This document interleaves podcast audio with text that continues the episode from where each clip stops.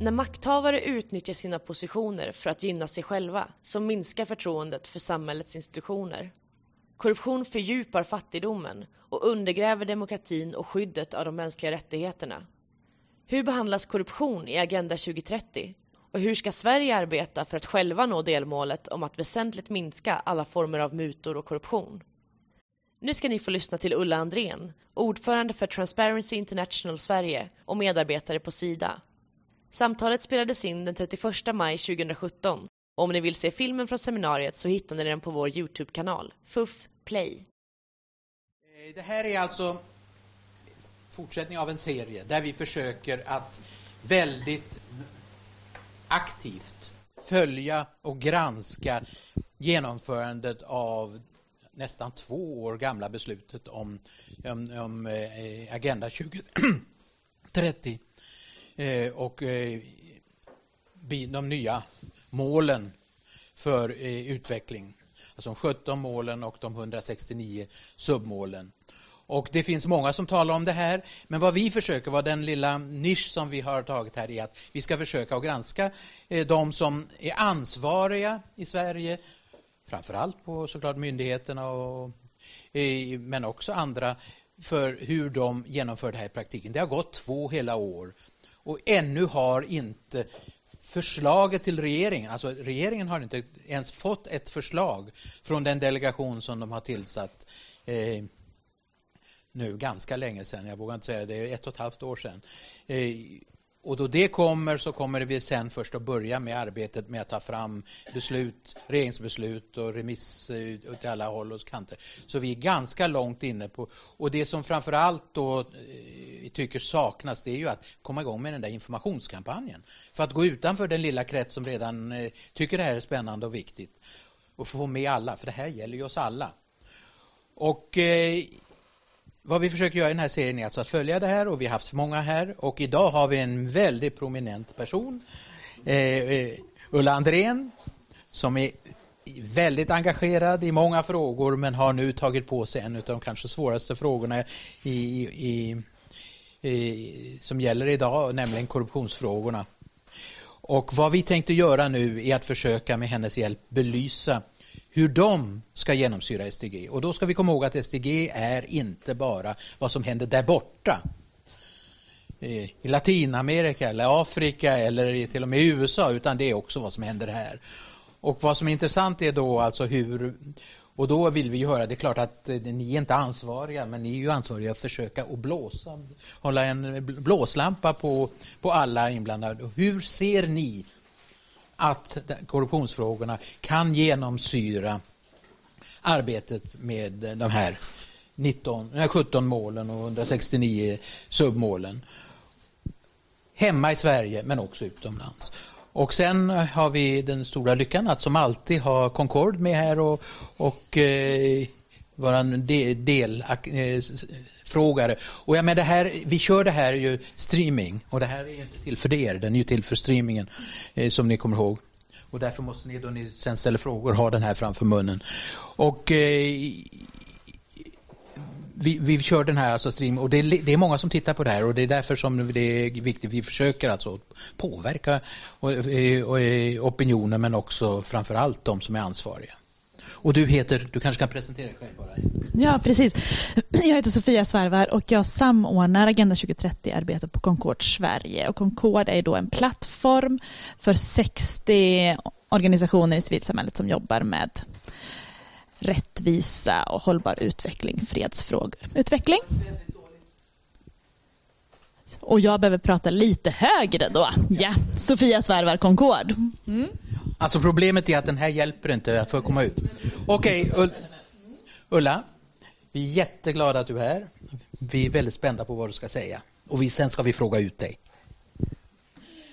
Varsågod. Är det ett hot eller är det ett löfte? Det är ett löfte. Ja, det låter bra.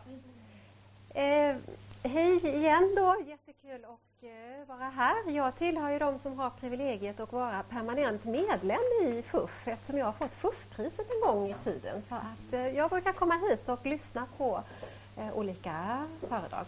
Men idag är det min tur då som ordförande i Transparency International Sverige. och tala om korruption och Agenda 2030. Och Eh, jag har, ni får stå ut med en PowerPoint-presentation här.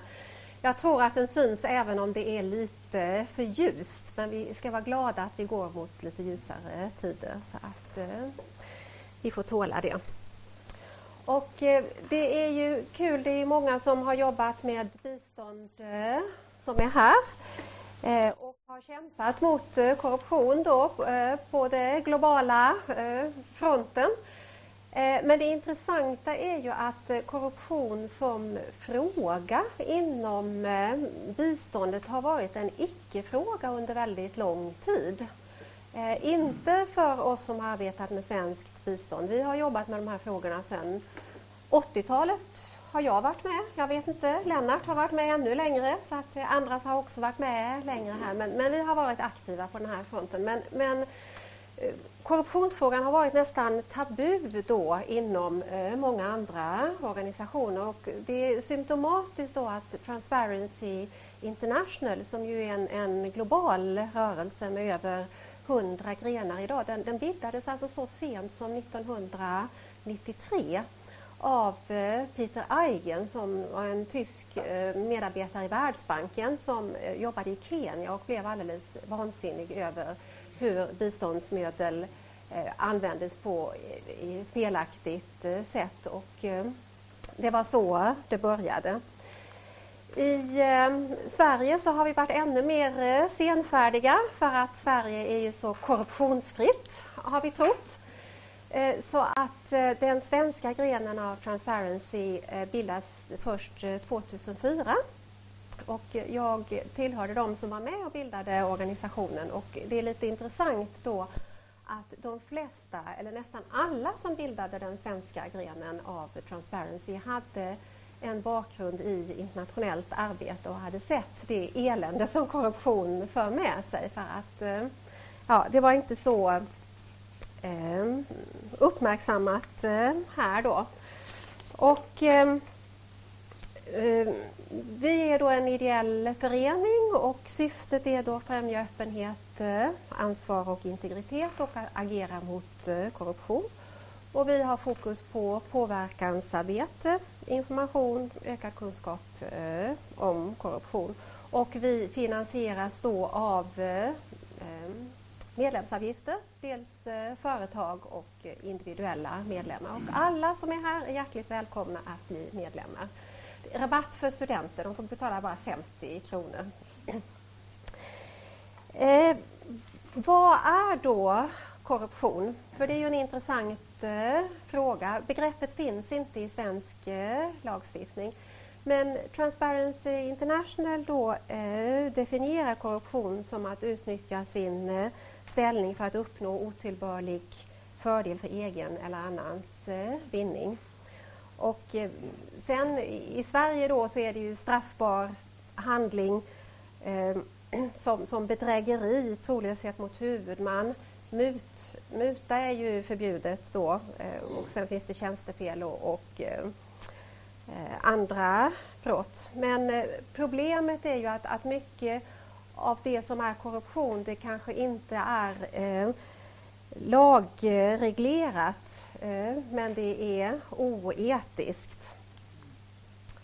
Ja, korruption i Sverige. Eh, vi tror att vi är korruptionsfria, men eh, så är det inte tyvärr. Det är väldigt tråkigt och den korruption vi, vi ser det är kanske lite av det här då. Det är, handlar mycket om vänskap och annat. Och här kommer en korruptionsbekämpare från Sida in också. Det är ju väldigt eh, bra. Ja.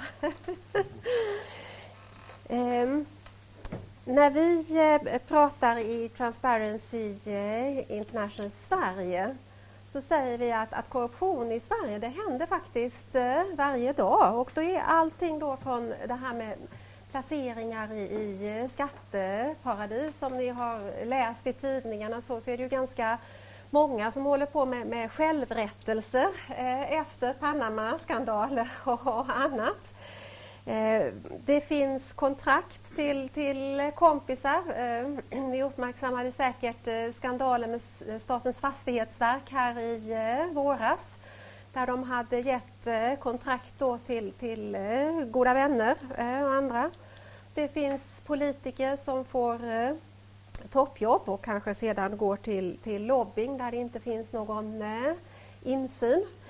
Eh, det finns gräddfil för eh, vänner och, och, släktingar när det gäller att få eh, kontrakt på olika sätt. Det kan vara allt ifrån en garageplats eh, eller en hyreslägenhet eller någonting annat där det finns regler för hur det här ska fördelas. Men, men ja, man hittar lite sådär sätt att gå runt eh, det hela. Och sen har vi då eh, repressalier för visselblåsare. Eh, Transparency International Sverige delar ju ut ett pris till eh, visselblåsare varje år. Det gick i år till Rickard Lindvall just på Statens fastighetsverk och han kan berätta sorgliga historier om de repressalier som man blir utsatta för. Om vi då tittar på de eh, globala målen, för det var ju det som jag var här för att eh, prata om, inte om korruptionen i, i Sverige. Så eh, är det ju så att, att eh, korruption är ett allvarligt hinder för att nå alla de här eh, målen. Och vi brukar säga då att eh, korruption fördjupar fattigdomen, undergräver demokratin och skyddet av mänskliga rättigheter. Det skadar handel och hindrar eh, investeringar. Det äventyrar god samhällsstyrning, minskar förtroendet för samhällets institutioner och marknadsekonomin. Dessutom så bidrar korruption till eh, konflikter. Det gynnar illegala affärer, organiserad brottslighet inklusive terrorism som ju är väldigt aktuellt i, i eh, dessa dagar. Och eh, för en eh, miljövän som jag själv så eh, har man ju sett många gånger då att det har otroligt negativa konsekvenser för miljön när skydd av naturresurser åsidosätts vid gruvbrytning och på annat sätt. Och de sociala, ekonomiska och miljömässiga konsekvenserna av korruption de är faktiskt väldigt omfattande. Och för att säga det, verkligen betona detta då, alltså korruption är ett allvarligt hinder för alla eh, de här eh, globala utvecklingsmålen. Det finns ju sen då mål 16 som handlar om fredliga och inkluderande samhällen där det finns särskilda delmål som relaterar direkt till, till eh, korruption och jag ska återkomma till det. Men det viktiga är ju ändå att, att det finns en, en väl fungerande offentlig förvaltning med ansvarsfulla institutioner. Det tycker Lennart också. Det är ljuv musik i hans öron tror jag, det här med institutionsbyggande och sådär som gammal förvaltningsperson. Eh, alltså, om man har ansvarsfulla institutioner som, som eh, är transparenta och följer rättsstatens principer lägger det grunden för en god samhällsstyrning inklusive korruptionsbekämpning.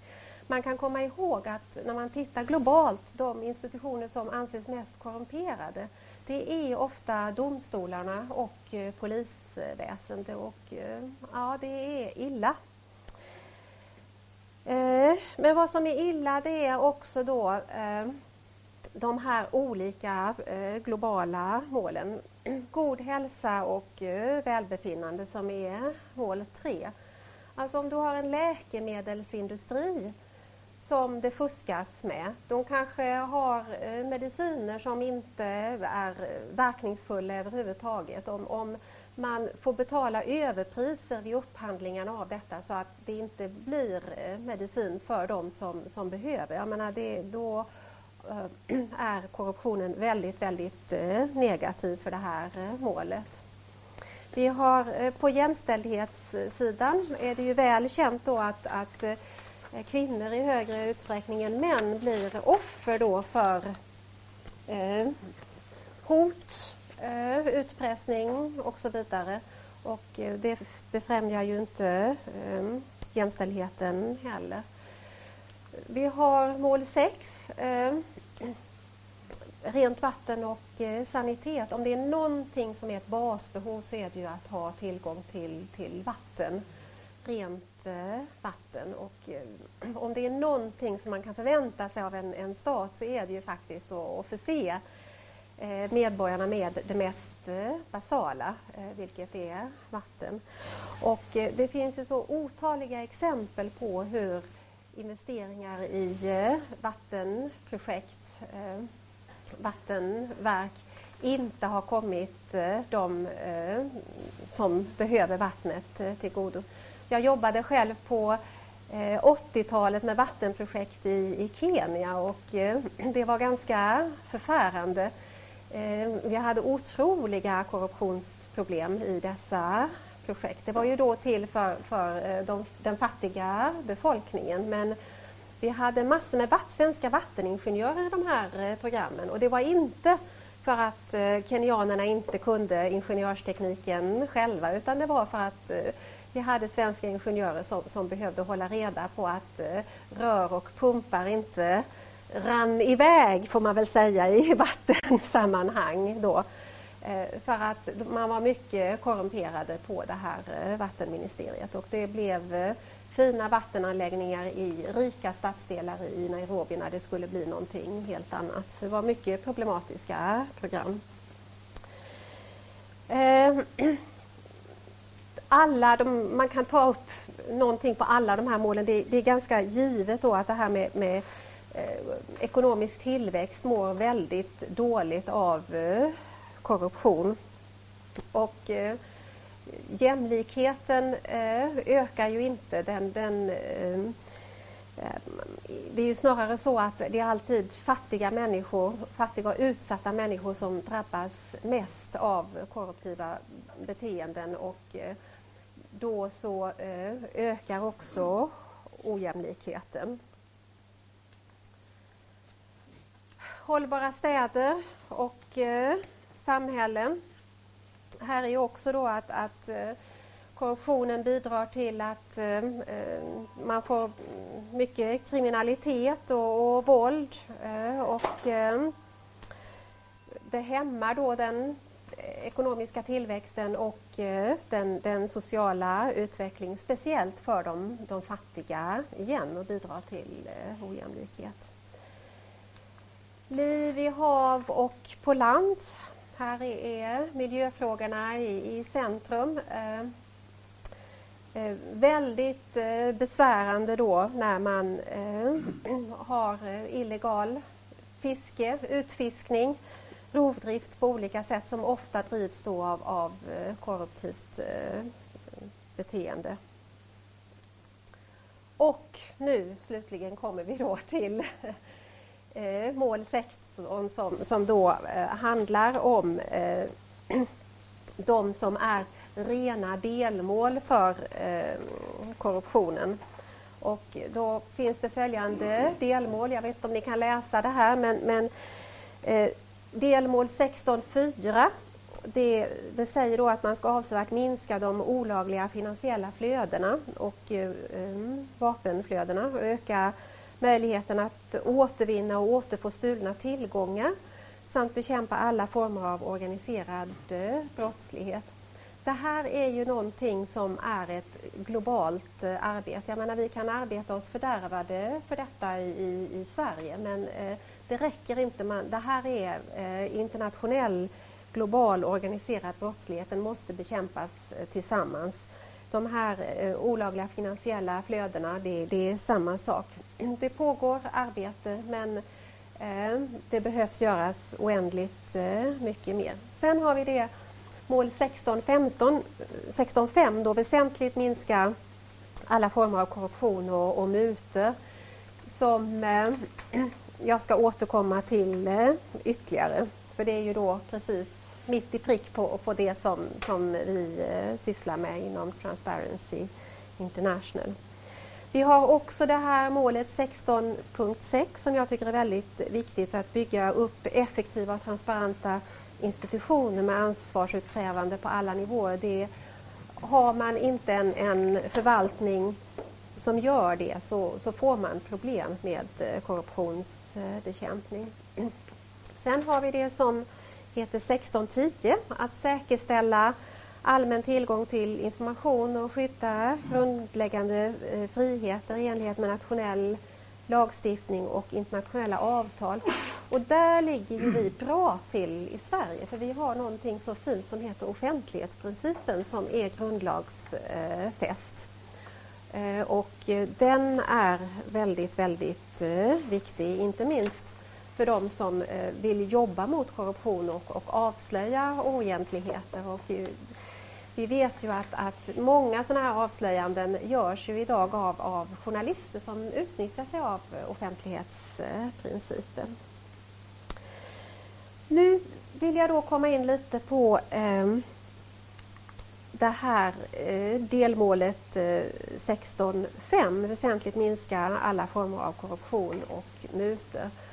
Och Lennart pratade då inledningsvis om Agenda 2030-delegationen och de har ju då haft konsultationer på olika sätt med myndigheter, med näringsliv, med eh, högskolor, med organisationer och även Transparency International Sverige har då deltagit eh, på eh, en sån här konsultation.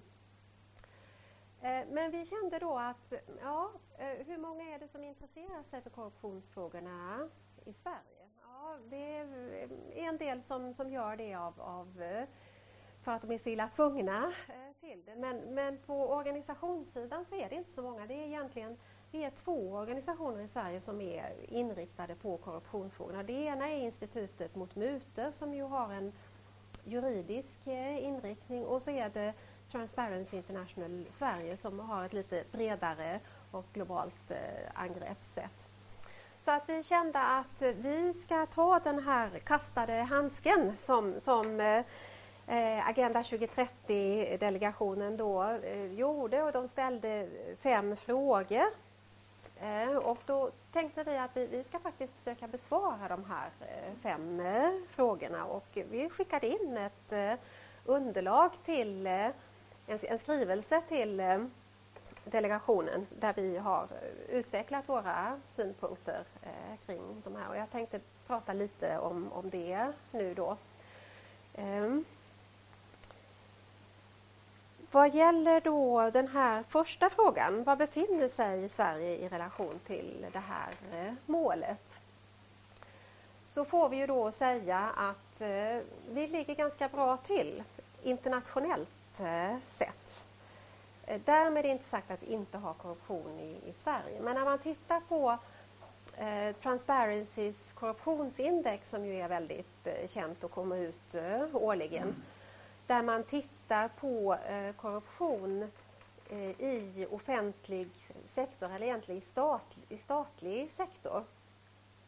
Och så bedömer man på en skala mellan 0 och 100. Där om man är på 100 så är man jättebra, då har man ingen eh, korruption.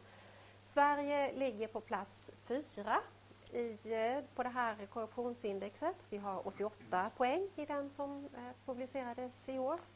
Sist på listan kommer Somalia och Afghanistan, så de har inte många poäng. Så internationellt sett jättebra, men det finns ett problem i eh, det här för att korruptionsindexet mäter då eh, statlig sektor. Och Sverige är lite unikt för att vi har ju då 70 procent av den offentliga sektorns utgifter den går genom kommuner, landsting och, och regioner. Och det tittar man inte då på i det här eh, indexet. Vi har en miljon anställda i kommuner, landsting och, och eh, regioner, så det ska man komma ihåg. Och sen så tittar man ju inte alls då på, på företagsvärlden och där vet vi också att vi har haft en hel del eh, problem.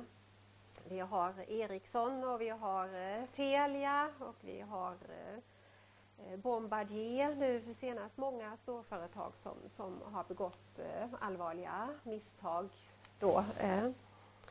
Och vi har ju även en hel del myndigheter under senare tid. Statens fastighetsverk, Karolinska institutet, Riksrevisionen hade ju ett debacle här förra året. Alla riksrevisorer fick avgå och nu har vi tre nya riksrevisorer. Så att även i statlig sektor så, så ser det inte sådär hundraprocentigt bra ut trots vår fina placering på det här korruptionsindex. Det är Tack. Det är jättebra att ha en sufflös här. Det är Lotta Rydström som är vår exekutiva sekreterare i Transparency International Sverige. Eh, ja, eh, om jag då ska komma in lite mer på eh, vilka åtgärder som vi föreslog då i den här eh, skrivelsen till Agenda 2030-delegationen. Och det var lite olycklig timing av det här för att deras förslag till handlingsplan kommer imorgon så det ska bli väldigt spännande att se om de har tagit med något av våra förslag i den här handlingsplanen.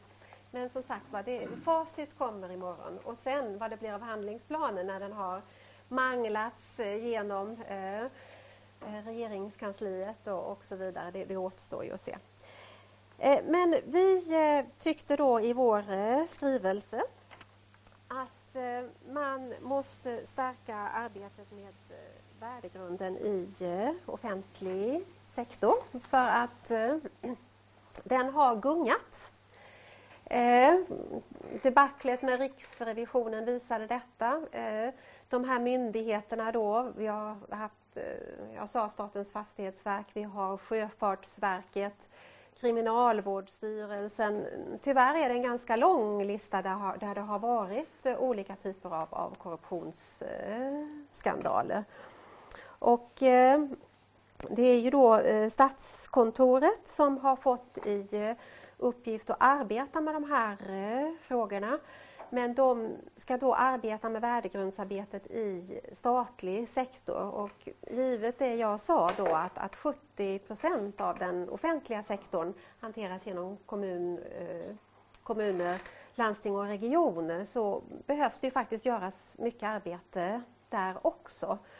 Eh, SKL, som ju är då Sveriges kommuner och landsting, arbetar aktivt men vi tycker att de borde arbeta ännu mer eh, offensivt. Här finns väldigt mycket att göra. Det finns också en problematik i komplexiteten i eh, uppdragen inom kommuner och, och landsting. Vi har ju mycket privatiseringar idag de här gränsdragningarna mellan vad som är offentligt och vad som är privat är knepig. Så att det är inte så lätt att, att veta om man är statstjänsteman eller om man är privat eh, tjänsteman om man arbetar i ett eh, vårdföretag och eh, eh, arbetar med vård då som, som är offentligt eh, finansierad. Det finns mycket att göra. Eh, det finns mycket att göra vad gäller att effektivisera offentlig upphandling. Eh, ni känner till att det har varit många problem där också, inte minst på landstinget. Vi har de berömda strumporna i Stockholm. Eh, men det finns på väldigt många andra håll och kanter också. Vi har ett krav på att kommunerna ska ha en professionell och oberoende revision. Det har Transparency International Sverige framfört sedan starten 2004. Eh, alltså vi har fortfarande ett system då med politiskt valda revisorer på kommunal eh, nivå. Och eh, de har hjälp av professionella revisioner men, men givet kommunernas komplexitet och det väldigt svåra arbete de har. Så vi tycker inte att detta är tillräckligt och vi tycker att man ska tillsätta en, en utredning då och se till att få en bättre revision. Det här är en, en känslig fråga för det handlar om det kommunala självbestämmandet så att därför har det inte riktigt varit någon framgångsfråga. Men vi, vi tycker att det här är viktigt. Sen ser vi också då att, att vi får inte som Sverige hålla på att exportera korruption. Ehm, det är nämligen så att eh, regeringen har en exportstrategi där man har valt ut eh, 26 länder tror jag att det är. Nu måste jag titta här i skrivelsen så jag säger rätt. Ja, det är 26 eh, länder. Och eh, av de här 26 länderna är de flesta superkorrupta. Vad säger ni om eh, Algeriet och Filippinerna, Angola, eh, Sven-Åke? Egypten har väl också haft vissa problem med, med korruption. Och om nu svenska företag uppmanas att exportera till de här tillväxtmarknaderna så måste Business Sweden, som ju är då eh, eh, regeringens och eh, näringslivets gemensamma exportorgan. De måste göra väldigt noggranna analyser och de måste verkligen hjälpa de här företagen som ska exportera så att de inte blir grundlurade och hamnar i korruptionshistoria. Det kräver eftertanke att ha exportera till de här länderna förhindra export av korruption. Det är ju inte korruptionen i sig då som sagt. Det är klart den ska inte, inte exporteras men det är ju för korrupta länder då. Eller vad menas det där på fyran? Jag menar att, att eh, vi ska se till att, att det det inte, för det kan ju bli, det krävs ju två parter i en korruptionshistoria, både en som mutar och, och en som tar emot det hela. Va? Så att, ja. Eh, sen har vi det här med att, att främja god forskningsetik och minska fusk inom forskning och högre utbildning. Och det här är ju superaktuellt eh, idag igen. Alltså det, det är ju fullständigt skandalöst att man kan fuska sig in på, på högskolan och universitetet via högskoleprov. Och man kanske till och med kan fuska sig till examina, vi, vi vet inte. Eh, det, det, måste vidtas bättre och fler åtgärder på det här eh, området. Och forskningsetik, vi har Macchiarini-historien, vi har, har, andra affärer här då som man också behöver jobba mer med. Så, um, ja, jag hoppade över, tror jag, det här med att öka kunskapen om korruptionen i, i samhället. Eh, jag tror att man måste ha etikutbildning från förskola upp till, till eh, gymnasium och sen även då på, på högskolorna att, att det där är väldigt, eh, väldigt eh, viktigt. Så kan man, man kan lära sig vad som är lagenligt men man kan inte lära sig vad som är, är olämpligt utan att diskutera och, och tala om detta så att det är viktigt. Eh, sen den sista punkten här då det är att bekämpa mikrokorruption på, på arbetsplatser. Det låter kanske lite fånigt men eh, vi tror att det är viktigt för det handlar om, om vilket samhälle vi vill ha och om tilliten i eh, samhället. Och eh, allt från de här garageplatserna och hyres Eh, Eh, rätterna som inte förmedlas enligt eh, regelverk. Vi har de berömda julborden som kan bli lite för mycket eh, emellanåt. Vi har väktare och poliser som bjuds på fika och då förbättras liksom säkerheten på de här ställena. Jag menar det är ju jättetrevligt i och för sig va? men liksom, man måste ändå ha en medvetenhet om, om, om problematiken och, och diskutera sådana här saker på, på arbetsplatserna. Och eh, jag tror att man måste ha både arbetsgivare och, och fackliga organisationer med sig och, och, föra en dialog för att rätt som det är liksom så eh, har man gått alldeles eh, för långt i det som kanske var bara en, en vänskaplig gest. Eh, jag har två bilder kvar. Eh, det ena är då hur vi ska bidra här till eh, det globala genomförandet eh, av den agendan. Och då säger vi att vi måste jobba aktivt mot korruption.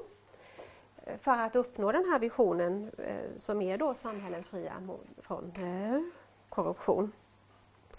Vi tror att, att eh, Sverige kan bidra då med att bygga institutioner och utveckla kapacitet eh, att stödja granskning och då pratar jag om, om eh, all möjlig typ av, av granskning. Vi har ju hjälpt till inom biståndet att bygga upp riksrevisioner och, och andra kontrollinstanser. Det är väldigt viktigt att, ge stöd till, till media som kan granska och eh, publicera. Eh, så att eh, folk, folk får reda på vad som händer och, och sker och kan ta ställning och i sin tur arbeta med detta. Vi tror också att man kan arbeta med antikorruption i internationell handel.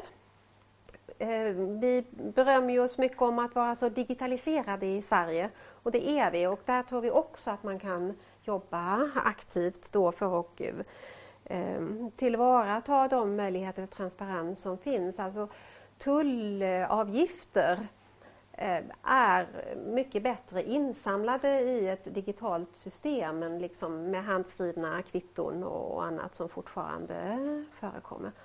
De här Panama-läckorna hade aldrig kunnat hanteras utan att, att man hade digital behandling av dem. Så att det, det finns möjligheter för, för eh, transparens.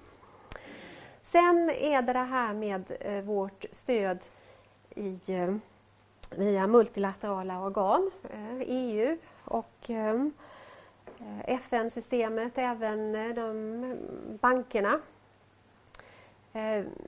Jag har jobbat många år i, i eh, Mosambik och eh, har ständigt förvånat mig då för att Mosambik är tyvärr idag ett land som är genomsyrat av eh, korruption.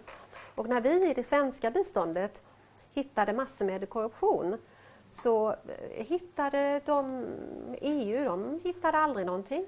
Man tror att liksom de var helt blinda och helt döva och inte sa de någonting heller då.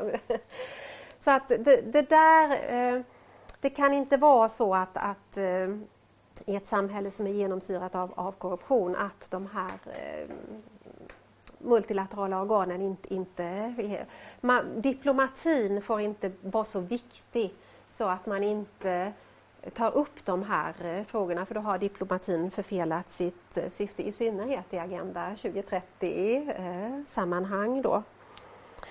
Och eh, slutligen då så eh, tror vi också att man kan arbeta ännu mer för att eh, minimera korruptionsrisker i det bilaterala arbetet bättre analys, bättre urval av, av insatser, vad man väljer och, och stödja och långsiktig samverkan med relevanta aktörer. Nu har jag pratat länge. Jag ska visa en sista bild här eftersom alla som sitter här inne har eh, eh arbetar eller eh, har arbetat eller kommer att arbeta i något företag eller organisation så är det här lite våra råd då till vad, vad, hur man kan göra eh, för att arbeta mot korruption och mutor på företag och organisationsnivå. Och det är det här med att, att prata om, om eh, problematiken för att det finns faktiskt många gråzoner. Det är inte alldeles eh, självklart och det ändras ju över tiden också. Eh, när jag började jobba på Sida så fick man alltid julklappar och presenter och det var ganska generöst med julbord och, sånt där. Det har ju helt eh, försvunnit då liksom. Det anses olämpligt eh, idag och det här ändras över tiden så man måste diskutera ständigt. Sen så måste man naturligtvis för varje företag och organisation ehm, analysera vad har man för risker. Det är ganska olikartade risker i olika branscher. Och man ska vidta åtgärder då för att eh, hantera dem. Man måste informera och utbilda i vad som är lagligt och eh, olagligt men även vad som är lämpligt och eh, olämpligt. Ehm, tyvärr så måste man ha, införa kontroller för att förhindra och upptäcka och avskräcka. Det finns rötägg inom alla företag och organisationer som eh, har korrupta och bedrägliga beteenden. Tyvärr, så det, det, måste finnas. Och man ska också då etablera rutiner för att anmäla misstankar om, om korruption och göra dem kända inom eh, företaget eller eh, organisationen. Så att det är eh, råden och Eh, jag hoppas att alla här inne vill bidra till att främja öppenhet och ansvar och integritet och, och agera mot korruption för att annars kommer Agenda 2030 inte att kunna förverkligas. Ja.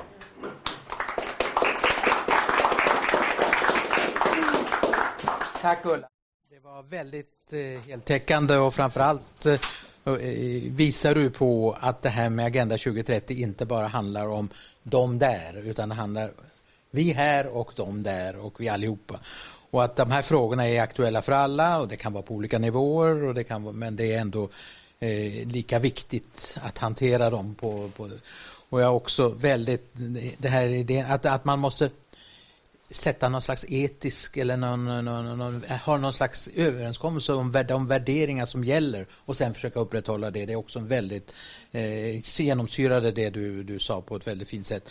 Nu, det är mycket du har sagt men det finns väldigt mycket att fråga och mycket att ta upp och vi har en del frågor till att börja med här framifrån och sen så hoppas jag att alla är med på det. Vi har gott om tid för frågor så du får börja. Mm, tack så mycket. Väldigt bra presentation och väldigt heltäckande som sagt.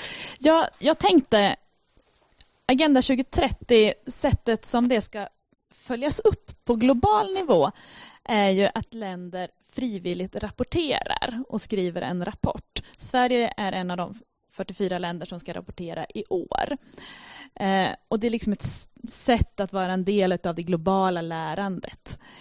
Eh, ni har skickat in till handlingsplanen vad Sverige ska göra, men vad, vad ser du är viktigt att Sverige lyfter på en global nivå för det globala lärandet?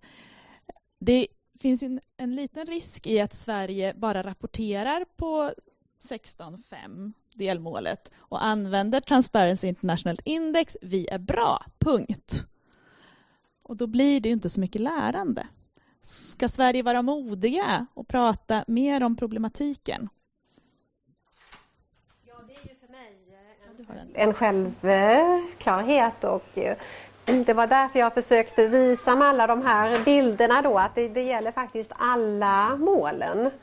Eh, men i en utvecklingskontext så blir ju problematiken så mycket svårare. Jag menar, de som inte får sitt vatten för att någon korrupt eh, mätperson som ju inte finns längre, man går inte och mäter vatten utan det, det görs ju med, med eh, digitala system numera. De, de kan göra sin röst eh, hörda här.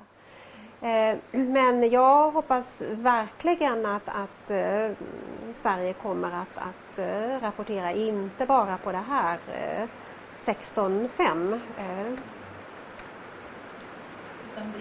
Mm. Mål 16 är ju, nu börjar det regna här inne. Um, ja, nu får jag prata högt. Mål 16 är ju ett uh, mål som jag vet uh, exempelvis partnerorganisationer till, i Zimbabwe har sagt att men, vår regering säger att just mål 16 behöver inte vi rapportera på. eh, att, kan det finnas risker i att, att länder kanske använder mål 16 och, som är då om institutioner, hållbara institutioner eh, för att kanske överreglera vissa saker. Vi har ju en tendens, trender i att utrymmet för civilsamhället minskar. Skulle man, finns det sådana risker i att man liksom använder det för att eh, överreglera civilsamhället och hur skulle man då kunna komma runt det? Ja, det är ju otroligt eh, problematiskt för vi ser, vi ser ju i väldigt många länder ett krympande utrymme för eh, civilsamhället eh, idag. Och det är ju bara folk i, i de länderna som kan Ska jag prata ännu högre? Ja, jag försöker så gott jag kan. Jag får sätta mig mer rakryggad här då. Ehm, nej men det, det, det, är klart att, att det är en, en svår eh, problematik. Men jag tror ändå att eh, eh, Transparency International har ju faktiskt grenar i väldigt många länder och, och det finns ju förslag på att man ska ha en skuggrapportering då för de länder som Zimbabwe som kanske inte har intresse av att från statens sida redovisa hela sanningen. Och där kan ju de här olika nationella grenarna av Transparency komma in och göra ett väldigt viktigt eh, arbete. Och jag tror att i ett land som Zimbabwe så kommer man inte att, prata så mycket om, om mål 16 som om de andra målen. För jag menar, där ser de ju verkligen problemen Eh, med korruptionen som genomsyrar samhället i brist på vatten, eh, brist, man måste betala på, på hälsostationer trots att det ska vara gratis etc. etc. Sista fråga från mig nu, men i en, om det skulle vara en kommande folkbildningskampanj i Sverige kring eh, vilka värdegrundsfrågor, vad skulle du vilja se man diskuterar utifrån det här? Att använda agendan och de globala hållbarhetsmålen för att eh, diskutera värdegrundsfrågor. Kan du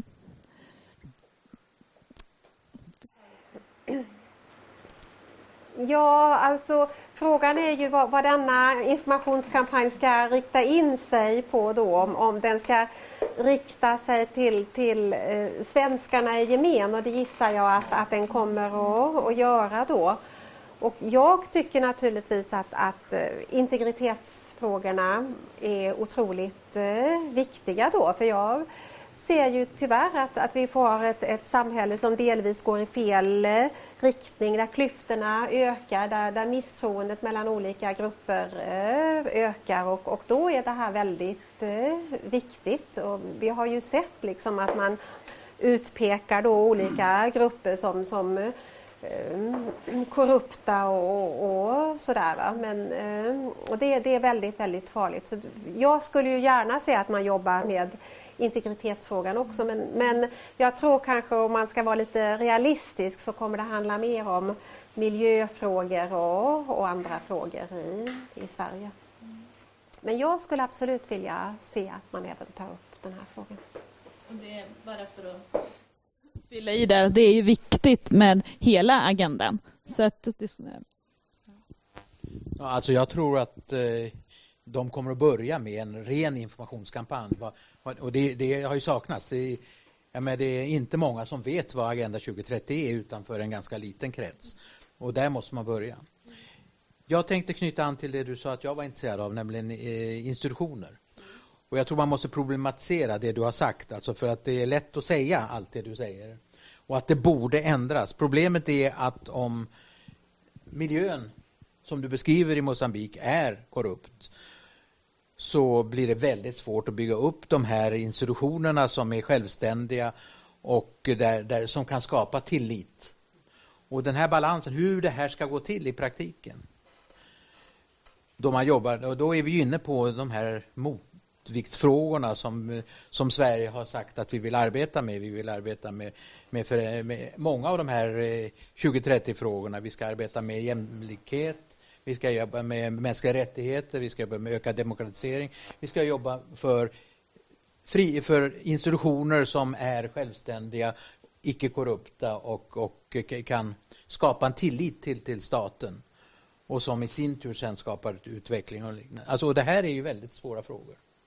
Och då är det ju intressant att höra om man från eh, Transparency hur ni funderar på att den här dialogen ska äga rum.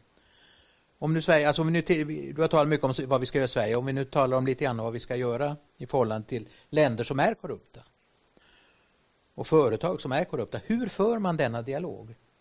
På ett sätt så att man verkligen kan få till stånd så att man inte skapar så att säga snarare konflikter utan kan få förändring till stånd. Alltså, staten är väldigt viktig eh, när man ska ha utveckling. Därför att eh, det är ju liksom staten som ska leverera olika typer av, av välfärdsinstitutioner. Allt ifrån skola, eh, vård, vatten, eh, infrastruktur och så vidare. Eh, och ehm, det här med, med, en god statsförvaltning det, det, är väldigt, väldigt underskattat. Och när man ser de här länderna som är i, i konflikt eller postkonflikt så eh, har de ju en, en offentlig sektor som inte fungerar. Det är ju det som är väldigt eh, utmärkande och det kanske till och med har blivit konflikt på grund av att, att den inte har eh, fungerat. Uh, alltså korruption är, driver verkligen konflikter, det här när man blir diskriminerad, att man inte får det som, som man ska utan man måste betala under bordet eller vad man nu behöver göra. Men alltså det finns ju inga enkla lösningar. Eh, det vet alla som, som sitter här som har jobbat med eh, bistånd. Och Rom byggdes inte på en dag så att det är ju bara att man, man Få hålla på långsiktigt och ihärdigt. Och det är väl det som på något sätt har varit eh, det svenska biståndets adelsmärke tidigare då att, att vi har haft väldigt långsiktigt eh, synsätt eh, på på olika frågor. Och det är väl lite problematiskt ibland eh, under senare år då där man har varit väldigt inriktad på att, att få resultat under kort eh, tid. Och det är inte möjligt att få resultat på kort tid när man bygger en, en offentlig förvaltning. Det, det, det, tar tid helt enkelt. Och jag menar, man har ju varit orealistisk också många gånger när man säger liksom att man ska ha ett, ett landsbygdsutvecklingsprogram och det ska ta tio år. Det tar inte tio år. Det, hur lång tid har det tagit i, i Sverige? Liksom? Det, det, man måste ha mycket längre tidsperspektiv. Men eh, det finns ju alltid några personer i varje land, i varje organisation som som vill en förändring och det gäller att bygga på dem. Och, eh, ibland så behövs det ganska lite hjälp för att, att stärka dem och eh, man kan få förändringar till stånd. Ibland är det ju tidsaspekter och annat. Man kan komma in vid ett gynnsamt eh, tillfälle. Ibland så är det väldigt, väldigt trögt och väldigt eh, svårt. Du har ju jobbat i många sådana här miljöer. Och du har verkligen försökt att göra förändringar till stånd. Jag tänker lite grann på Guinea-Bissau. Men om, om Rom byggs inte på, på en dag. Men vad gör du de första dagarna? Vad, vad, hur, ja, lite grann har du svarat på det där med att man börjar och söker upp de, de, de krafter som kanske man kan tro är, är mera utvecklingsvilliga än andra. Men kan du tala lite grann hur du själv har tänkt för att det här är ju precis det frågan. Det, det, är lätt att säga att man ska bekämpa korruption, men det är så otroligt svårt att riktigt hantera de här frågorna, framförallt om de är kopplade med så många andra frågor också. Men hur skulle du rekommendera nu då du ska tala om nu eh, vid nästa kurs för utresande biståndsarbetare, hur ska de jobba på ett sätt så att de första dagarna verkligen lägger grunden till en långsiktig förändring? Alltså, vad, man måste ju också utgå från sig själv och det är ju väldigt viktigt då att, att eh, de som är biståndsarbetare också är föredömen och det ska vi komma ihåg att så har det inte alltid eh, varit. Eh, och det är otroligt viktigt. Sen så det finns ju inte några patentlösningar på någonting. Allting är ju otroligt kontextuellt och det, det är ju där man måste börja och, och se då i den miljö jag arbetar med, vilken institution jag ska arbeta med och, och analysera förutsättningarna därifrån. Så att tyvärr, jag kan inte besvara din fråga här. Men hur gjorde du? Du, du satt ju i, i situationen då du stod inför omöjliga eh, valsituationer. Man ska utgå från eh, mänskliga rättigheter, eh, alla människors eh, lika värde och rätt det, det kommer man ganska långt med. Okej, okay, ordet är fritt och det finns mycket att tala om där och framförallt hur man ska göra det här är ju rätt intressant. Du har jobbat med de här frågorna många, många håll. Berätta. Ja, jag tänkte ställa två frågor. Ja, jag har jobbat i länder som är ganska korrupta som, som Angola och Zimbabwe exempelvis. Men vad jag tänkte fråga var om man ser här i Sverige på eh, de, vad som är känt om korruptionen så är det ju rätt slående att det är oberoende och ganska orädda och företagsamma och skickliga undersökande journalister som har tagit fram och avslöjat de affärer vi har haft. vi känner till. Eh, och, ehm, och det leder, om man ser på tanken, eh, om man ser hur det är i utvecklingsländer så tycker jag det understryker väldigt kraftigt vikten av att stödja en oberoende press, yttrandefrihet på alla möjliga olika sätt genom utbildning som vi också gör i viss utsträckning. Men man ser också hur svårt det är. Man ser vad som händer med journalister i till exempel Mexiko som skriver om korrupta eh, drog, drog, allt, allt, som har med drogpengar att göra. Eh, exempelvis. Så det, det, är ju otroligt svårt. Ja, det, det var det ena. Jag, det var ingen fråga, men jag, du har redan nickat instämmande. Men gör vi för lite? Borde vi prioritera mera? Kan vi göra mera för att stödja en fri, oberoende och undersökande, grävande journalistik? Det andra är när det gäller, du nämnde att EU och multilaterala, multinationella utvecklingsorganisationer inte alltid har varit så intresserade av att rota i de här sakerna. Och det har väl att göra med incitamentstrukturen i många biståndsorganisationer, även i Sverige där vi har haft volymmål för biståndet och där det kanske inte alltid varit så populärt att pekar på saker som försvårar utbetalningsströmmarna. Eh, alltså, och det, är, det är ett ganska fundamentalt problem så länge vi har ett sådant budgetsystem som vi och nästan alla andra har.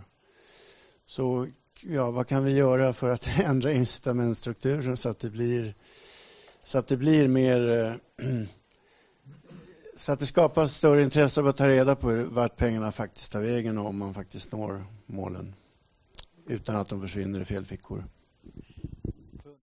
Alltså, alltså, det multilaterala alltså, det har gjorts väldigt lite, tycker jag. Och det vore intressant kanske också att höra från, från Sida. Alltså, har man kommit lite längre i tankarna hur man ska arbeta med multilaterala organisationer? Och jag var ju själv med och skrev en utvärdering av svenskt, eh, Sveriges hantering av, av eh, korruption. Och vi var framför allt kritiska på hur man hanterade eh, multilaterala bistånd. Om vi börjar med det första med grävande journalistik. Det är otroligt eh, viktigt och Sida gör ganska mycket men man kan göra mycket, mycket mer. Men alltså det räcker ju inte liksom att stödja grävande journalister utan det, det måste också finnas ekonomiska förutsättningar för journalisterna att eh, att få en, en publik så att säga och, och, det är ju det som, som det ofta handlar om. Eh, jag diskuterade det mycket när jag jobbade i eh, Mosambik med eh, media där och de, de sa ju liksom köp våra tidningar, köp våra liksom, nätupplagor. Det är så ni hjälper oss. Vi behöver inte en massa kurser och, och så i journalistik. Vi vet vad vi ska göra men, men liksom vad är marknaden då för, för eh, produkterna? Så där, där är eh, en, ett, ett problem. Alltså. Och det laborerade vi med tanken också att man skulle faktiskt eh, då köpa x antal prenumerationer till, till skolor eller offentliga institutioner då av eh, tidningar eh, eller tidskrifter då för att, att skapa en sån marknad. Men det är inte helt enkelt för då, då skapar man ju liksom en, en konstgjord eh, andning då. Vid någon tidpunkt så, så, måste det ju finnas köpkraft då för att, att finansiera eh, de här publikationerna. Men eh, jätteviktigt eh, område, absolut. Sida gör en hel del, eh, borde kunna göra ännu, ännu mer. Vad gäller incitamentsstrukturen, jag menar det är ju det här med, med visselblåsare också. Va? Eh, vi säger ju att, att visselblåsare ska vara våra hjältar. Men det är de ju inte. De är ju obekväma och man liksom vill ju ha ut dem genom dörren och, och eh, de är ju bara jobbiga. Och jag menar, det har ju lite till sakens eh, natur och det har ju väl också med, med ledarskap att göra då att man verkligen vågar lyssna då på de som är lite obekväma och, och säger saker som inte alltid eh, är jättebra på, på kort eh, sikt. Men, men det är ju min eh, fasta övertygelse att, att organisationer och företag liksom som inte klarar av de här personerna som, som vill tala om saker som är obekväma. Det, det blir ju stagnerande organisationer. Det, de, blir, de, de blir inte framgångsrika i, eh, i längden. Så att det är bara att hoppas att, att framtida ledare är mer öppna då för eh, att ta kritik på olika sätt och, och se sådana här saker. Eh, och också ge incitament, belöna de här personerna eh, Eh, som kommer med eh, obehaglig information och inte som det nästan i hundraprocentigt görs idag att, att de blir utstraffade då för att de är så obekväma. Eh, vad gäller det här med multilaterala organisationer så får jag ju säga att, att eh, Sida flyttar fram positionerna sakta men säkert. Men det finns otroligt mycket kvar att göra. Jag tycker kanske Claes Rasmussen då som är antikorruptionsmannen på, på Sida ska få svara för detta. Det var, var väl att ta i lite grann Ulla. Men jag vill bara börja faktiskt lite grann. Eh, så jag tycker det här hur, hur eh, tar man vidare Agenda 2030 och antikorruption. Jag tycker det, precis, det första steget är precis det som Transparency International Sverige nu har presenterat här att man presenterar eh, det här utifrån att ska vi nå målen i de olika SDGs, då resultaten, så kan vi inte göra det utan att ta, eh, beakta korruptionen. Om vi tar, går tillbaka till vatten, eh, eh, eh bärkraftig vatten och sanitet för alla. Världsbanken beräknar att 20-40% av investeringarna i vattensektorn försvinner på grund av korruption. Det är 175 miljarder per år dollar om det är den lägre siffran.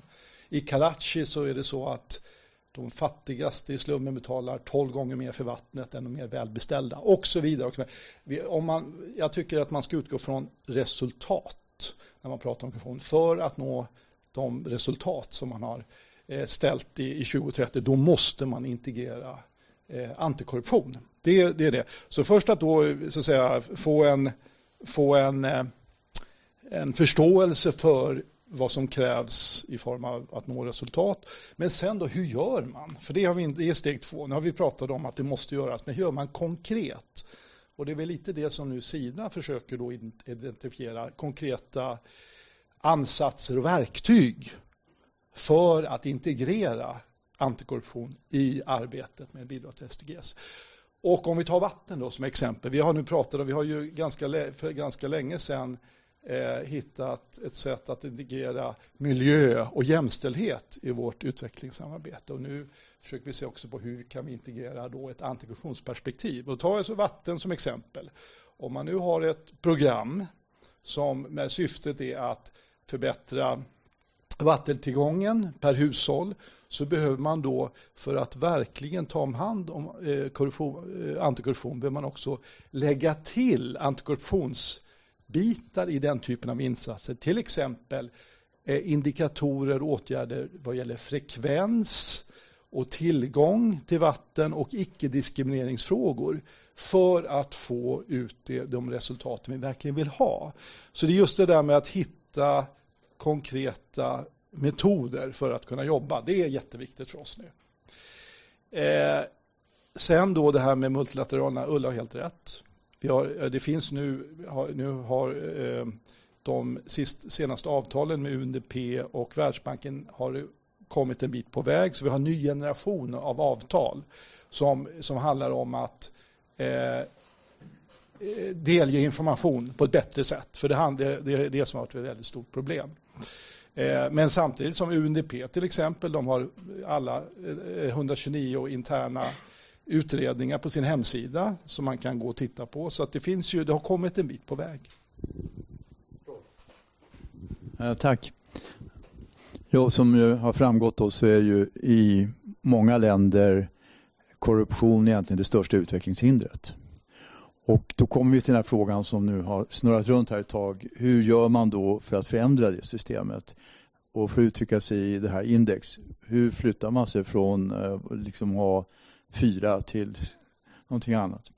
Och eh, jag tror på en grej, det var ju det som Dag tog upp. Jag menar klart, korruption eh, trivs inte i ljus. Så det är klart att det här med, med press och, och sånt måste vara en, en oerhört viktig grej. Inklusive naturligtvis skydd av visselblåsare och sådär.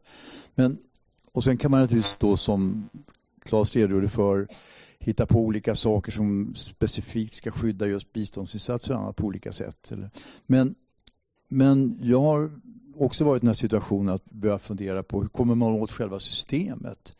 Och då har jag försökt liksom hitta, det vore intressant att titta då, det måste ju finnas exempel på länder som har gjort väsentliga förflyttningar i det här avseendet historiskt. Och, och därför vore det intressant att, se någon typ av ekonomhistoriska studier som faktiskt försöker analysera vad var det som hände? Vad, vad, så man bör få klart för lite grann vad är, vad är liksom är, vad är hönan och ägget och vad är det som, vad är det för sekvenser i sånt här för att göra det här? Men jag har inte riktigt hittat något. Jag ska inte påstå att jag har letat ihjäl mig, men jag har liksom inte ramlat över något. Är det någon som eh, har några bra tips? Eh, ja, jag funderar på ett par saker. Det där med multilaterala. Ehm, jag tyckte det var stötande för den allmänna rättskänslan att man kunde inte läsa eh, UNDPs revisionsrapporter.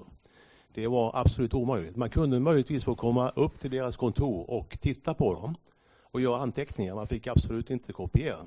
Och då undrar jag, eh, vad då för? Ja, det, men så var det. Det var lite lättare med Världsbanken av någon anledning. Det var, inte, det var inte bara det heller. Eh, då undrar jag, har det här gått framåt eller bakåt? Eller är det möjligtvis status quo på den här fronten?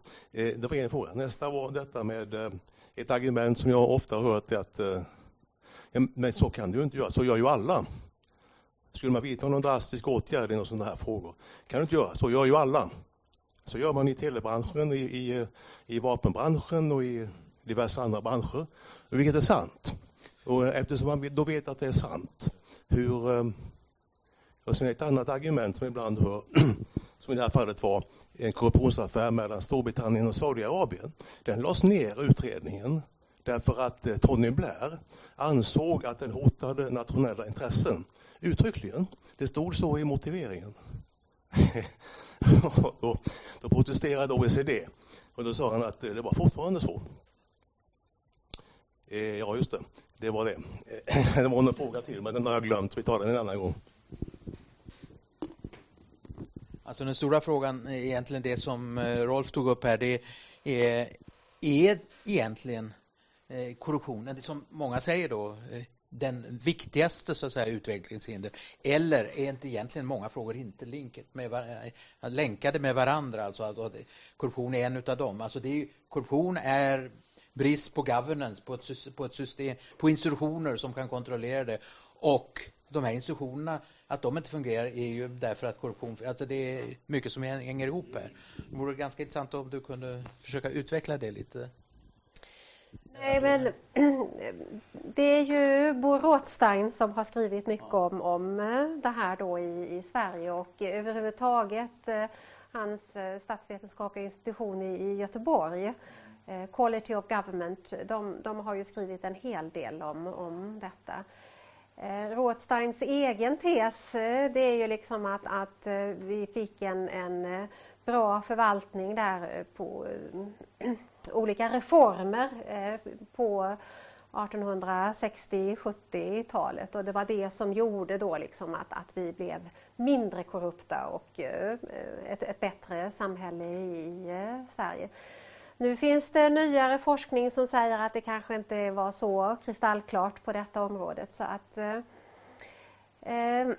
det, det, är lite, lite svårförklarligt i den internationella litteraturen eh, också. Jag tror att, att det behövs ytterligare forskning på detta område för riktigt. Men, men det finns ju beskrivet absolut i, eh, i en hel del eh, litteratur. Men eh, det är inte något sånt här glasklart med olika steg som ska ske för att eh, det ska hända. Och, eh, ibland är det ju så att, att det är någon eh, diktator som, som säger att så här ska det vara. Och eh, så kan det fungera ganska bra också. Mosambik är ju ett intressant eh, land.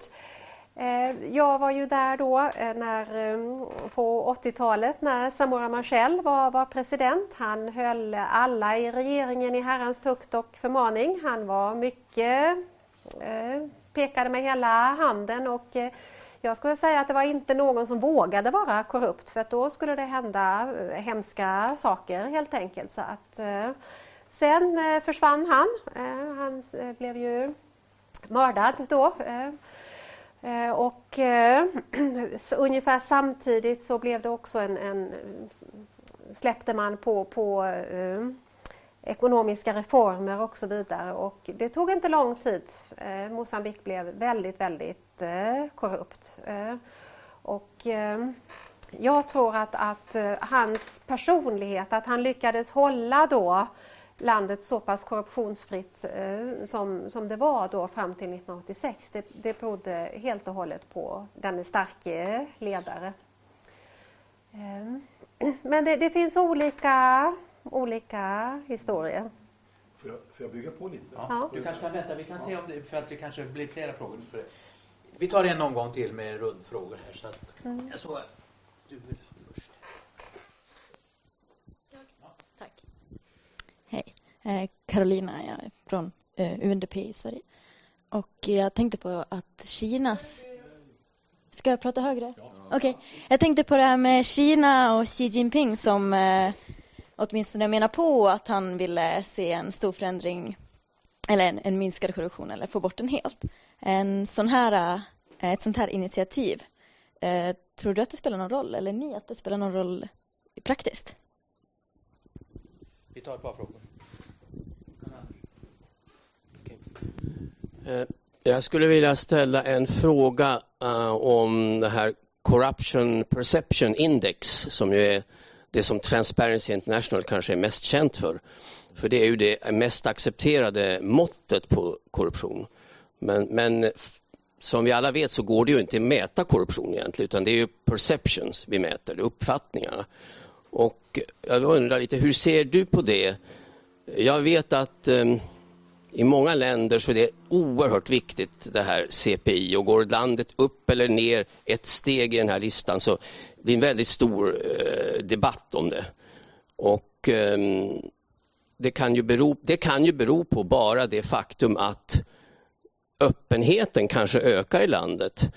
Då plötsligt så blir ju kunskapen in, om korruptionen större och då får alltså landet ett sämre betyg. Av, eh, och det, så det kan ge helt fel signaler ibland. Och jag undrar om man inte har, och jag vet, jag tror att det är så, det kan, vet ju du, att det är de som, det baseras här på synpunkter från ja, politiker, organisationer, företag. Det är inte vanligt folk man frågar. Skulle man inte kunna ha ett mått som vore mer baserat på, på vad folk, hur folk upplever? Jag vet från ett land, Kambodja, där jag har jobbat, att där gjorde man en Transparency International gjorde själva en undersökning hos, hos vanligt folk och det gav helt annat utslag än CPI faktiskt, det gick åt helt annat håll. Den, gick, det var faktiskt ett positivt ut, resultat medan CPI gick neråt. Får jag ta den frågan direkt för den är lite viktig? Ja, vi ska se om det är... Okej. Okay. Nej, det är inget Så det... Nej, men alltså eh, korruptionsindexet är ju problematiskt för att det är ju en sammanvägning då av ett antal institutioners bedömningar. Eh, och eh, bedömningar är bedömningar. Och det det är ju också olika i olika länder hur många institutioner då man, man har som, som bedömer. Men det ska vara ett, ett minimiantal. Eh, Lotta, kan du exakt? Eh, det minst tre olika bedömare. Ja, men det är... Och normalt är det ungefär mellan sex och sju olika. Ja, precis. Och det är tolv olika institutioner totalt tror jag som, som bedömer detta. Ehm, så att nej, det är inget speciellt eh, bra mått eh, alls. Men tyvärr, eftersom korruption till sin natur är vad den är liksom, så finns det inget eh, bättre. Men jag har ju liksom väldigt svårt att och eh, skriva pressmeddelande och, och, säga att oj, oj, oj, nu har, har Sverige sjunkit eh, ett eh, pinne på, på det här indexet och nu är det vi liksom i, i fara här då, liksom korruptionen ökar. Det kan man inte säga, alltså det här är alldeles för trubbiga instrument för detta. Korruptionsbarometrarna, det görs ju då Eh, Eh, i olika länder. Det, det, är ju också, men där går man ju ut och, och, frågar direkt liksom, har du tagit emot mutor och etc. Det är ett, ett frågebatteri. Och, eh, men det är ju så väldigt kostsamt. Så det är ju det som är anledningen att man inte kan göra detta och det, det beror ju på liksom om, om, du har någon som vill finansiera eh, den här typen av, av undersökningar. Men absolut, de, de är hemskt mycket bättre och de, de säger något mer kvalitativt om, om korruptionen. Men även där, du har, du har svårt med statistiken och bortfallet och så vidare. För att det är ju också det liksom korruptionen till sin natur. Alla vet ju att det är inte så himla bra med korruption. Liksom och, eh, om Lennart här har liksom hållit på att muta Sofia här för att eh, han ska få sista ordet. Liksom. Han, han kommer inte riktigt att svara på min fråga här då om jag kommer här och, och intervjuar. Alltså det, det, är svårt att få fram eh, säkra data, det, det ska man ha i, i minnet. Men jag menar det, det säger ju ändå någonting om landet när man har gjort de här korruptionsindexen. Eh, Sen vad gäller eh, Xi Jinping. Det, det finns ju många olika orsaker till varför man tar initiativ mot eh, korruption. Och väldigt många av de här initiativen har ju att göra med maktfrågor. Om man vill sätta dit sina, makt, eh, sina politiska motståndare, det är ju väldigt effektivt att anklaga dem för korrupt beteende och sätta in dem i fängelse på, på obestämd eh, framtid eh, om man inte har någon riktig rättsstat. Så att en del av de här initiativen är ju väldigt eh, genuina och, och väldigt bra. Men, men, andra är ju tveksamma till sin karaktär och i fallet Kina kan man väl inte komma ifrån att, att eh, det, det finns politiska undertoner eh, här då. Jag tror att det finns mer genuint i, i vissa länder i, i, eh, Latinamerika, liksom när folk går ut på, på gatorna och, och, och protesterar i, i, Brasilien nu. Liksom. De är ju verkligen på, de är vansinniga på, på, på korruptionen. Att, att det är liksom ett, ett eh, bättre uttryck då för än, än de här diktatorerna som plötsligt vidtar eh, åtgärder. Ja, jag heter Henrik ehm, och jag undrar ehm, Även om man kunde mäta korruptionen helt perfekt och det skulle väl vara bra men så vet man ju fortfarande inte riktigt hur man ska börja tackla den. Ehm, det känns också som ett väldigt stort problem att även om man visste hur man skulle mäta den väldigt bra och kunde göra det så så vet man fortfarande liksom inte riktigt hur man ska gå väga till hur eh, ja, bara ja, bekämpa den liksom. Det känns som ett väldigt stort hål i liksom, jag vet inte, i problemet på något sätt. Men ju bättre diagnos du kan ställa desto enklare är det ju ändå att hitta ett, ett eh, botemedel. Så är det ju liksom vid sjukdomar och man kan väl betrakta korruption som en, en samhällssjukdom. Så ju, ju, mer du vet eh, om det desto bättre. Och jag menar, korruptionen ser ju väldigt eh, olika ut i, i eh, olika länder. Och, eh, jag menar, ibland är det domstolar, polisväsende som, som är liksom verkligen cancersvulster i, i eh, staten. Och det, det, har ju faktiskt inträffat då att man, Georgien gjorde ju en, en eh, polisreform och de avskedade alla poliser. Och sen så satte de till eh, nya då för de ansåg att, att polisväsendet var så korrupta och det, det blev faktiskt eh, förbättringar. Eh, så att eh, ibland så eh, kan det behövas drastiska metoder och det kan vara effektivt. Men det, sån här liksom vänskapskorruption och sånt här som vi, vi har mycket i Sverige, det är subtilt, det, det, det är svårt, väldigt svårt att, att komma åt. Tack Ulla. Du, vi har täckt väldigt mycket tycker jag under den här tiden. Det är såklart mycket vi inte tagit upp. Ja, men hela frågan om att ibland så verkar korruption ha större betydelse för att hindra utvecklingen. I andra fall har den mindre betydelse. Och varför slags korruption har mer... Det är också ett eh, stort ämne som man skulle kunna diskutera. Alltså det är väldigt många frågor där. Men det som är viktigt och det som är viktigt kopplat med, med just eh, eh, Agenda 2030 det är ju att det här är frågor som genomsyrar hela så att säga utvecklingspaketet och genomsyrar alla länder. Och precis som du säger, alltså att man får inte glömma bort att även om vi alltså SDG ska handla om Sverige lika mycket och du har talat, talat om det, det finns mycket, jag tror det finns mycket att göra. Och jag tror det här med kommuner, jag har hört Alinius eh, på ett av era seminarier så jag förstår att det här med kommunerna är större problem än vad vi vanligtvis tänker oss. Så det finns mycket att göra i Sverige men det som är också man ska tänka på det är ju det här du sa att det behövs två för att det ska bli korruption. Och en, ja, men det är inte bara i Zimbabwe som korruption äger rum utan det är ju någon som gödslar det här. Jag har eh, eh, eh, lagt ut på studenterna att de ska titta på råvaruavtalen i Afrika. Och då ser man att företag, fantastiska företag som har skrivit under alla de här eh, CSO-överenskommelserna och allt det där. De, ändå så skriver de avtal som inte ger landet ett enda öre i skatteintäkter.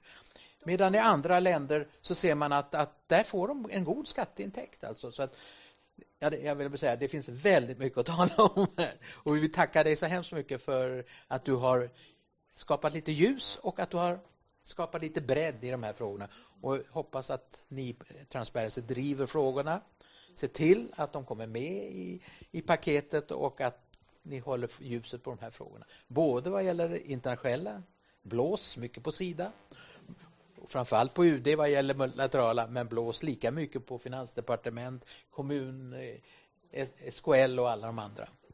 Då vill jag bara göra reklam för ett eh, evenemang som vi har den 8, 7, 7 juni. För då ska vi nämligen ha Inga-Britt Ahlenius som du eh, var ute efter här och eh, Mårten Schultz som har en dialog om eh, ämbetsmannaetik. Så det kan jag rekommendera och sen är det jätte... Eh, Grillska huset klockan 18 18 den 7 juni. Står på vår hemsida. För er som inte har hört Alinius så ska ni gå och lyssna på det. För det, kommer, det kommer att bli jätteroligt. Ja. Eh, men sen vill jag också tala om att vi ska ju faktiskt bara ett samarbete med FUF.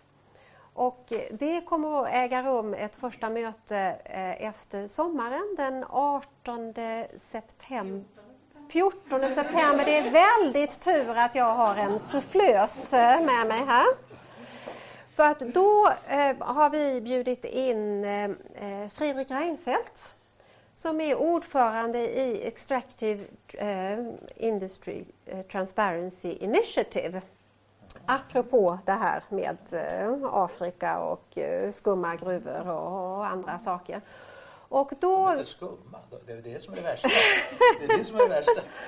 Men Fredrik Reinfeldt är ju då ordförande i, i det här initiativet och då ska han komma och eh, berätta om det och vad, vad man gör på det här området. Och det ska FUF och eh, Transparency eh, International Sverige samarrangera så det tycker jag är jättekul. Så det blir efter sommaren då.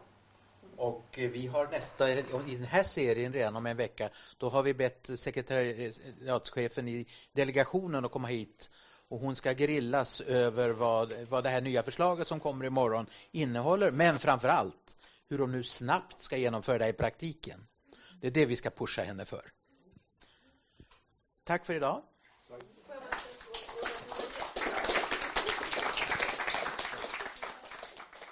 Tack för att du lyssnat på FUF-podden. FUF är en förening som sprider information och skapar debatt om globala utvecklingsfrågor. Mer information om vår verksamhet hittar du på fuf.se.